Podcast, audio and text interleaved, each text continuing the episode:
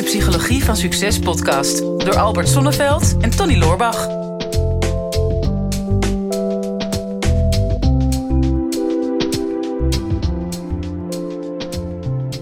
Hallo Tony en Albert. Uh, ik luister altijd met veel plezier naar jullie podcast. Een tijd terug hebben jullie het gehad over het voorkomen van een burn-out. Nu zou ik graag willen weten hoe ik een bore-out voorkom. Bore-out? Ja, dat heeft niks met een booreiland te maken.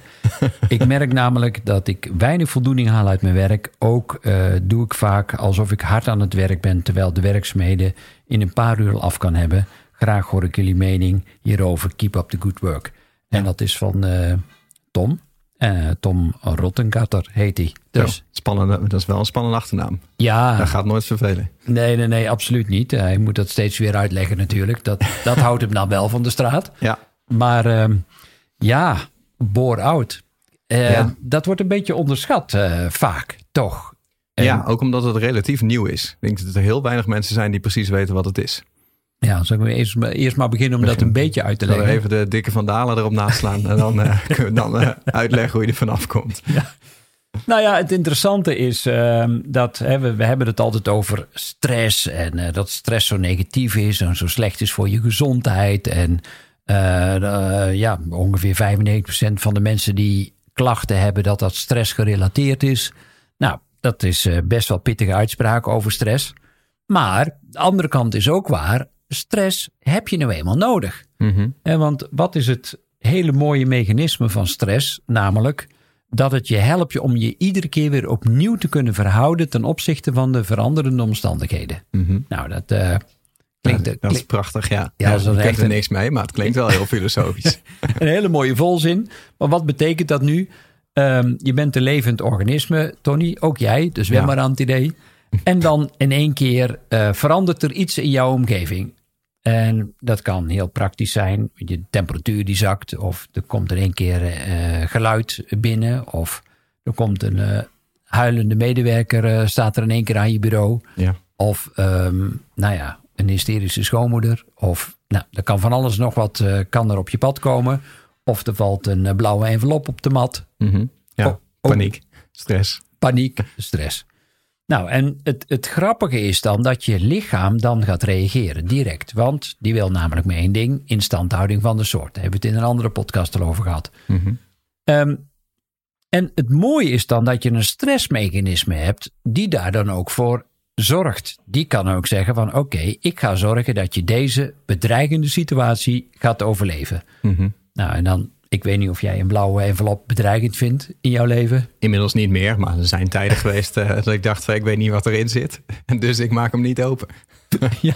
Want ja, zolang hij dicht blijft, dan bestaat het nog niet, nee, het probleem. Dat, nee, nee, nee, nee. Ik denk dat uh, nogal wat mensen dat hebben. Dat, dat die ergens ook, ja. Ja. onder in de laan wordt gefrommeld, zijn blauwe envelop. Het idee van als ik mijn ogen dicht doe, dan zie ik niemand en dan ziet niemand mij. Maar zo, ja. maar zo werkt het niet. Nee, nee, nee, ik zie je al staan met je kont omhoog, met je hoofd in het zand. Ja, heerlijk. Struisvogelpolitiek. ja. Ja. Dus nou ja, dat is dan zo'n bedreiging. En dan van zo'n bedreiging wordt gevraagd dat je handelt. Mm -hmm. Op wat voor manier dan ook. Nou, we hebben vier manieren om te handelen op een bedreigende situatie. Dus we kunnen er tegen gaan vechten. In het geval van de blauwe envelop zou je heel kwaad kunnen worden. Of uh, uh, misschien door de midden scheuren. Of uh, door de kamer heen gooien. Of weet ik wat je allemaal zou kunnen doen. Mm -hmm. of zo'n huilende medewerker naar buiten kunnen sturen. Ja. Um, je zou kunnen vluchten. En vluchten is ook een manier waarop je allerlei strategieën gaat bedenken hoe je er hiermee om zou kunnen gaan. Dus je denkt, nou goh, um, wat zou ik nu kunnen doen? Bijvoorbeeld met die huilende medewerker. Um, heb, ik, heb ik al een soort handboek liggen van hoe om te gaan met huilende medewerkers? Mm -hmm. um, of wat zou ik nu kunnen doen om die persoon een beetje blij te maken? Kortom, je gaat in je hoofd en je gaat uh, oplossingen bedenken. Mm -hmm. ja, dat is ook een manier. Andere manier is bevriezen. Uh, en als je dan weer kijkt, bijvoorbeeld, uh, je gaf het voorbeeld al bij die blauwe envelop. Het bestaat niet. Dat is, dat is in feite is dat bevriezen. Hè? Dus mm -hmm. je elimineert het tijdelijk door het maar eventjes weg te leggen. Helpt ook niet echt, maar goed, het is wel een manier om te reageren. Want niet reageren, dat kan niet. Het is interessant het voorbeeld wat je noemt van het koude water. Hè? Want uh, we hebben het nu over bijvoorbeeld acute stress. Hè? Wat, wat in principe gezond is voor je lichaam. Ja. En op het moment dat jij bijvoorbeeld in een ijsbad springt, dan maakt je lichaam een acute stress aan. Mhm. En dan eigenlijk zegt je lichaam van we kunnen drie dingen doen. We kunnen vechten tegen het ijs en we blijven er lekker in zitten. We kunnen vluchten, oftewel ik stap uit het ijsbad en ik ga er vandoor. Of we kunnen bevriezen. en dat gaat vanzelf in dit geval. Daar ja. niks voor te doen. En dan hebben we nog een derde mogelijkheid. Of de vierde mogelijkheid is steun zoeken bij anderen. Oh en in dat geval zou je kunnen vragen of anderen bij jou in het ijsbad stappen. Ja. En dan uh, krijg je een beetje een jacuzzi-idee. Mhm. Als je maar lang genoeg blijft zitten, dan kun je met elkaar de boel een beetje opwarmen misschien. Ja, precies. Ja, daar zijn methoden voor, maar daar zullen we het nu verder niet over hebben. Want daar wordt wat onsmakelijk van. Nou ja, dus um, nou, je, je snapt het al. Je hebt vier manieren om te reageren. En dat is dus fantastisch. Je hebt dus dat stressmechanisme nodig. En dat stressmechanisme dat zet jou iedere keer weer klaar om tot actie over te kunnen gaan. Mhm. Nou, we kennen inmiddels allemaal, denk ik, eh, het burn-out verschijnsel is dat je iedere dag, elk moment aanstaat. Klaar om te vechten, te vluchten, te bevriezen of om mhm. steun te zoeken. En dat, dat constant aanstaan, dat trekt het systeem ook niet. Dan maak je veel te veel cortisol aan, dan heb je te veel adrenaline. Uh, je bent letterlijk en figuurlijk overprikkeld, je slaapt niet meer. Nou, en dan uiteindelijk trekt je lichaam dat ook niet meer en valt dan op. Dat is om. Hè? Dat, dat is burn-out. Maar wat is dan bore-out? Mm -hmm. Nou, bore-out is um, het wonderlijke mechanisme dat je, wat ik al zei, je hebt een bepaalde hoeveelheid stress nodig om te kunnen functioneren in je maatschappij. Maar stel je nou eens voor dat je op een plek zit waar je geen uitdaging hebt. Op geen, enkele manier. Nee, geen stress. Letterlijk niet. Mhm. Op geen enkele manier een prikkel krijgt waar je op door kunt gaan. Nou, dat, dat wordt een beetje onderschat. Maar er zijn zelfs cijfers in het bedrijfsleven dat zeggen van ja, ongeveer 60% van de mensen die in een organisatie werken, die zitten deep frozen. Met andere woorden, ja, die sloffen op maandag naar hun werk en die doen een dingetje. En, die, en als je dan kijkt ja, naar productiviteit en effectiviteit en efficiëntie, dat is bedroevend laag. Als ik mhm. denk aan dat jij in zes weken tijd een boek hebt geschreven van 350 pagina's. Mhm. En daarmee ben je gewoon extreem productief geweest. En ja, dat is aan de ene kant fantastisch, maar aan de andere kant realiseer je ook, als ik dat kan, wat doet een ander dan in godsnaam eigenlijk? Ja, klopt. Een, een hele dag op kantoor um, en zeggen dat ze druk zijn, maar hoe druk zijn ze dan werkelijk? Mhm. En het is heel mooi, denk ik, om naar dat mechanisme te kijken. Wat heeft er nou voor gezorgd dat jij zo extreem productief kon zijn?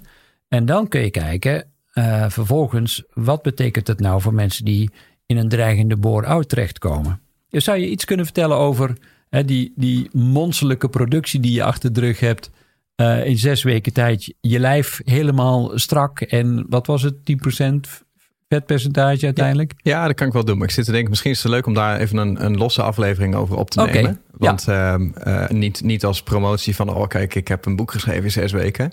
Maar ik heb er wel echt heel veel lessen uitgehaald um, voor mijn persoonlijke ontwikkeling. En uh, daar kan ik zo twintig minuten over volpraten. Oh nee, nee, nee. Dan, dus dan blijven we bij de board Nou, nee, maar het is, het, is, wel een mooi, het is wel een mooi voorbeeld. En um, wat, wat, wat uh, hetgene is wat ik er wel over kan, kan vertellen, wat hier heel goed op aansluit, is dat als je natuurlijk van plan bent om dat te gaan doen, dat afgezien van de uitdaging, is dat je natuurlijk een heel tastbaar eindresultaat voor jezelf hebt. Ja. dus je weet uh, wat er over zes weken moet, moet liggen.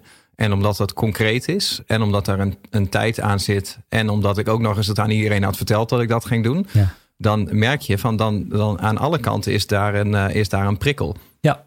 En dat is eigenlijk we hebben het gehad over acute stress. Nou, als je in een ijsbad stapt, heb je acute stress. Dan kom je in beweging, dan heb je een prikkel. Als jij een uitdaging hebt in je werk of, of in, je, in je relatie, dan heb je ook een acute stress. En dan word je geprikkeld om in beweging te komen.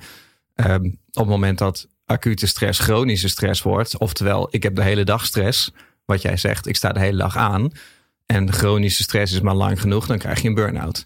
Um, op het moment dat er helemaal geen stress is, ook geen acute, dan krijg je zo'n bore-out. Dus ik zat dus wel even te zoeken, want ik heb een tijd geleden heb ik daar iets over geschreven. En dan heb ik uh, Victor Frankl heb ik daarin gequote. Ken jij, denk ik? Ja, ja, ja. Van uh, The Man Searches for Meaning is de titel van zijn boek. Ja, ja geniaal boek. En uh, dat gaat inderdaad over het zoeken naar zingeving.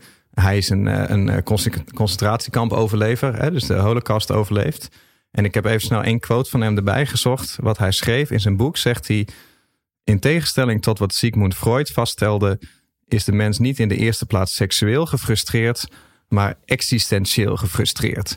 En in tegenstelling tot Alfred Adler vaststelde, is zijn grote klacht niet meer dat hij zich minderwaardig voelt, maar dat hij zich nutteloos voelt. Dat hij een gevoel van zinloosheid en leegheid ervaart, dat ik het existentieel vacuüm noem. Het voornaamste symptoom daarvan is verveling.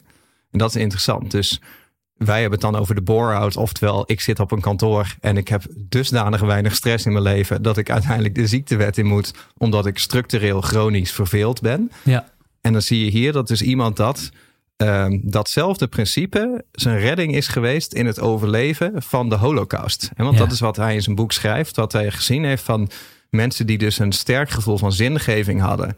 Oftewel, ik verwacht dat ik eruit kom en ik heb iets om voor te leven, want ik heb een stip op de horizon waar ik naartoe ga. Die overleefden. Hè? Of tenminste, natuurlijk heel weinig daarvan. Maar hmm. dat waren de mensen die. Die hadden de meeste kans. Als je het had kunnen overleven, dan heb je het op die manier overleefd. En dan sla je er doorheen. Er zijn maar de mensen die dus geen gevoel van zingeving hadden. Die het gewoon echt lieten gebeuren en niet verder keken dan vandaag. En zoiets hadden van nou, ik heb geen stip op de horizon meer. Die gingen er dan aan onderdoor. Mhm. En, en dat is heel interessant. Van ja, een bore-out klinkt al heel heftig, maar is, nu gaat het echt om, om leven en dood. En dat vind ik wel heel interessant dat dat zo dicht bij elkaar komt. Ja. Ja, meaningful life dus, daar gaat het over. Hoe kan ik zin en betekenis geven? En als je met zinloos werk bezig bent, dan loop je dus een risico op bore-out. Vaak zijn dat um, hele slimme, intelligente mensen. Mhm. uh, ik weet dat ik ooit een keer een opdracht deed voor een ICT-bedrijf, een groot ICT-bedrijf. En um, nou ja, die hadden een, mensen, een programmeurs hadden ze natuurlijk gedetacheerd op verschillende plaatsen. En een daarvan die kwam uh, terecht, ik kan de naam niet noemen, maar die kwam bij een bedrijf waar, waar ook veel uh, geldtransacties uh, plaatsvonden. Hij werd voortdurend gecontroleerd door camera's. Hij was daar weggezet voor een opdracht die duurde normaal gesproken drie maanden.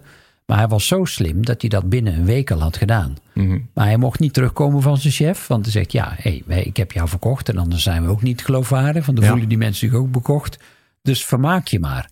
En hij zat daar dus bij die instelling. Ehm, hij was na een week klaar met zijn werk. En moest dan nog drie maanden tussen aanhalingstekens uitzitten. Mhm. Ehm, met letterlijk niks te doen. En voortdurend ook nog wordt, te worden gecontroleerd. Mhm. En die kwam dus echt in een bore-out terecht. Ik heb ook een uh, manager van een, uh, van de Belastingdienst uh, begeleid. Die zei ook van ja, ik kreeg allerlei lullige projectjes op mijn bord. Terwijl ik ja, veel meer in staat ben om, om dat af veel, tot veel andere dingen in staat ben om dat mhm. op te lossen. Maar ik kreeg die kans en die gelegenheid niet. En als ik dan met een goed idee kwam, dat werd meteen afgeschoten. Ja. Dus ja, de vraag van Tom van hoe ga ik hiermee om, is zorg dat je daar zo snel mogelijk weggaat. Want mhm. als jij niet met je leidinggevende eruit komt, uh, dat je zegt, ja, ik heb binnen nu en 14 dagen uitdagende werk nodig, dan ga ik hier gewoon dood, bij wijze van spreken. Mhm. En niet letterlijk, maar toch. Ja, dat uh, kan, kan, dus wel in de, ja, in andere situatie. Ja, Zo, zo voelt het echt. Um, nou, een andere mogelijkheid die je zou kunnen doen als je echt niet bij dit werk weg kunt of weg wilt, om, misschien om vanwege financiële redenen, ga dan buiten je werk kijken. En dat heb ik ook wel eens meegemaakt. Iemand die uh, ook een briljante manager, maar die kreeg ook geen kans om zich te ontwikkelen binnen mhm. een groot Nederlands concern.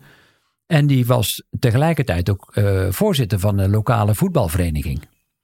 En al zijn kwaliteiten ging hij na werktijd daar inzetten. En die voetbalvereniging die floreerde. En dat ging echt over miljoenen op een gegeven moment aan omzet. En er werden al wat spelers gekocht. En de trainers. En uh, nou, iedereen die werd daar uh, in stelling gebracht. En hij leidde dus een compleet bedrijf mm buiten het bedrijf. Wat hem betaalde en waar hij op de loonlijst stond. Ja.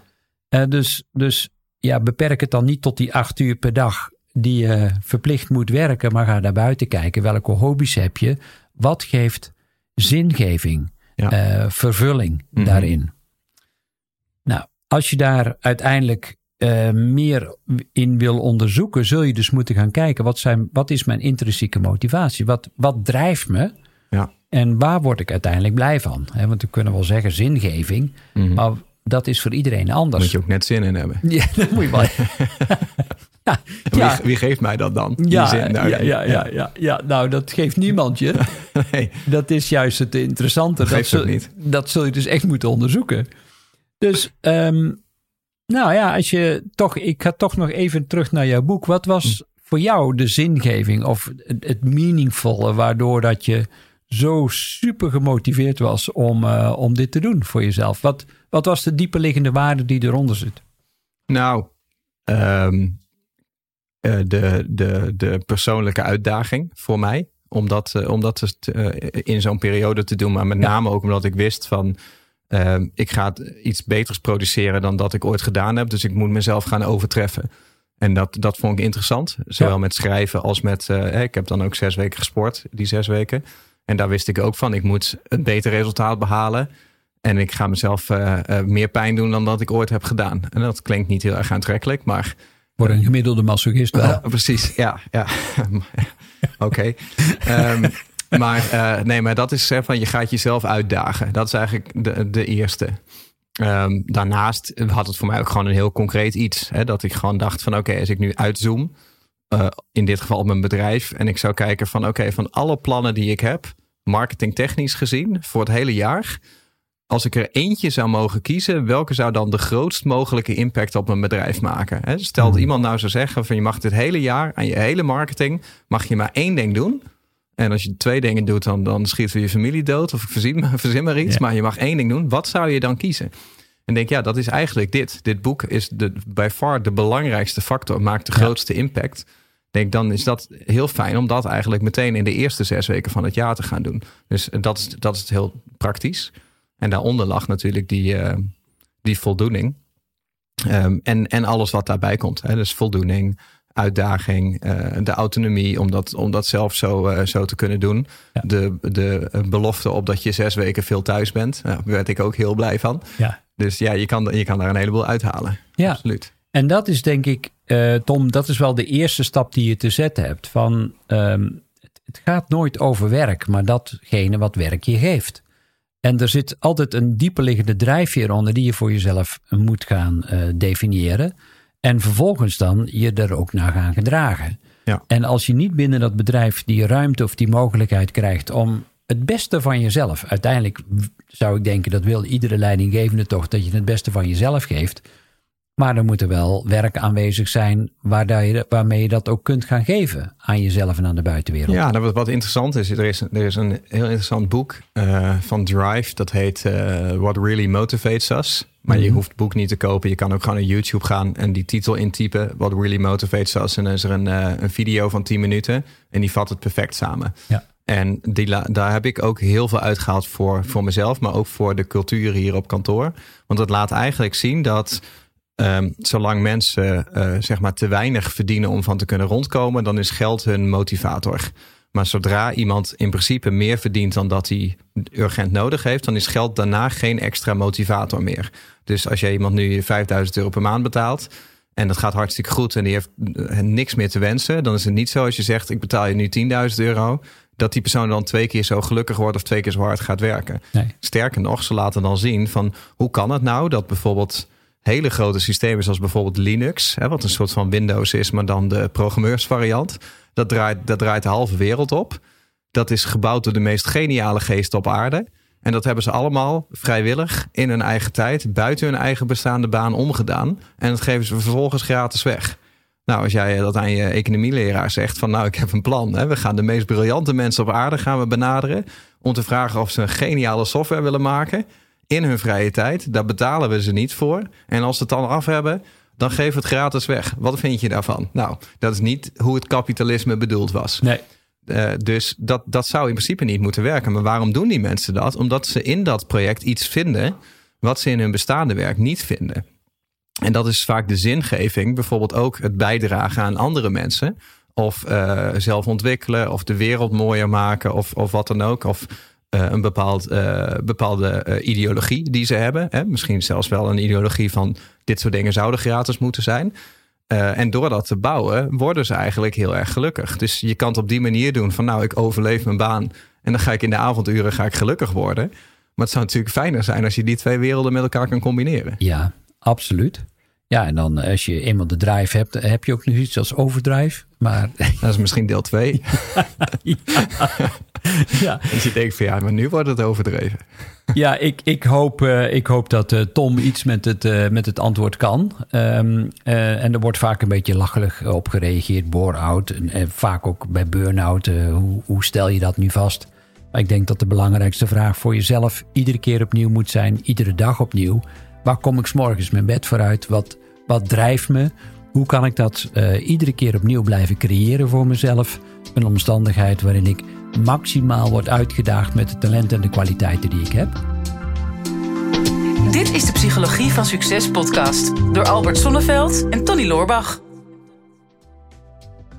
Ja, beste luisteraars, dat was hem alweer voor vandaag. Weer een aflevering voorbij van eh, de psychologie van succes. Ik hoop dat je het waardevol hebt gevonden en ehm, wat je ons dat ook zou willen laten weten. Eh, mocht je nog niet geabonneerd zijn op onze podcast, doe dat dan even. En wat we heel erg tof zouden vinden, is als je ook even een review zou willen achterlaten. We vinden het natuurlijk heel leuk om te horen van jou wat je van de podcast vond, welke inzichten je eruit hebt gehaald en om dat natuurlijk in de review-sectie terug te gaan lezen. Heb je nou een vraag en je zou graag met jouw vraag in de uitzending willen komen? Stel hem dan op eh, de social media. Onze kanalen zijn vooral LinkedIn en natuurlijk Instagram. De beste vragen pakken we eruit en grote kans dat je dan terugkomt in deze podcast.